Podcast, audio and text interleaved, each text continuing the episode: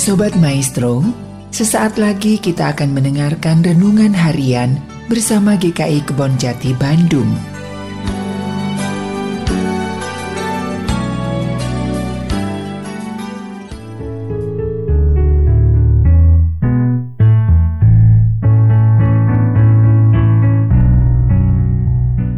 Salam sejahtera saudara-saudara kembali lagi di dalam renungan harian pada hari ini bersama saya Diki. Ayat pada hari ini adalah Mazmur 22 ayat 2 sampai 3 yang berbunyi Allahku Allahku mengapa engkau meninggalkan aku? Aku berseru tetapi engkau tetap jauh dan tidak menolong aku. Allahku aku berseru-seru pada waktu siang tetapi engkau tidak menjawab. Dan pada waktu malam tetapi tidak juga aku tenang Padahal engkaulah yang kudus yang bersemayam di atas puji-pujian orang Israel. Di dalam kondisi sulit dan tertekan, tidak jarang kita bertanya, Tuhan, di manakah Engkau? Aku sedang kesulitan. Pertanyaan ataupun seruan ini mungkin tidak hanya mempertanyakan tentang di mana Allah secara harafiah saja, tetapi seruan ini juga bisa saja menjadi ungkapan meragukan Allah. Sama halnya dengan pemazmur di dalam tulisannya itu pemazmur mengalami kesulitan dan kesesakan yang luar biasa berada di dalam kesulitan tersebut, ia mulai mempertanyakan keberadaan Allah. Ia merasa Allah telah meninggalkannya, jauh dari dirinya, dan tidak pernah merasakan pertolongan Tuhan. Di dalam keadaan tersebut juga tidak jarang juga kita sama seperti pemazmur. Kita merasa Allah diam saja, kita merasa bahwa Allah tidak menjawab segala pertanyaan kita, dan di dalam kondisi itu juga kita tidak jarang merasa putus asa. Kita merasa kecewa dengan keadaan.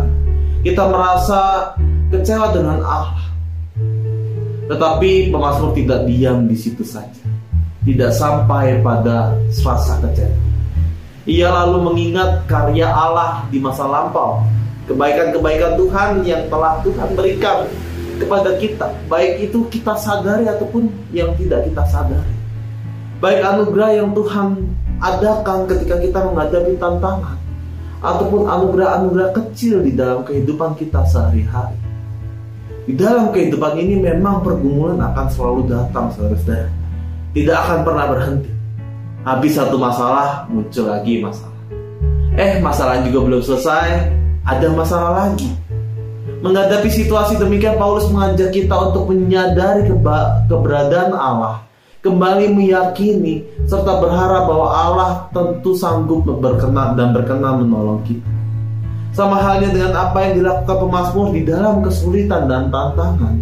Yang datang melanda, kita diingat, kita diajak untuk kembali melihat bagaimana penyertaan Tuhan dalam kehidupan kita yang Ketika kita menghadapi tantangan dalam hidup dan kembali mengingat bagaimana penyertaan Tuhan, sungguh itu menjadi sesuatu penguatan bagi kita.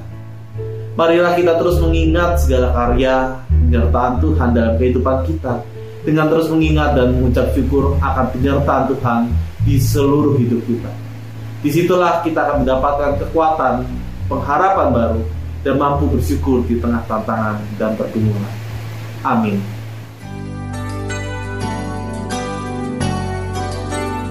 Sobat Maestro, Baru saja Anda mendengarkan renungan harian bersama GKI Kebon Jati Bandung. Tuhan Yesus memberkati.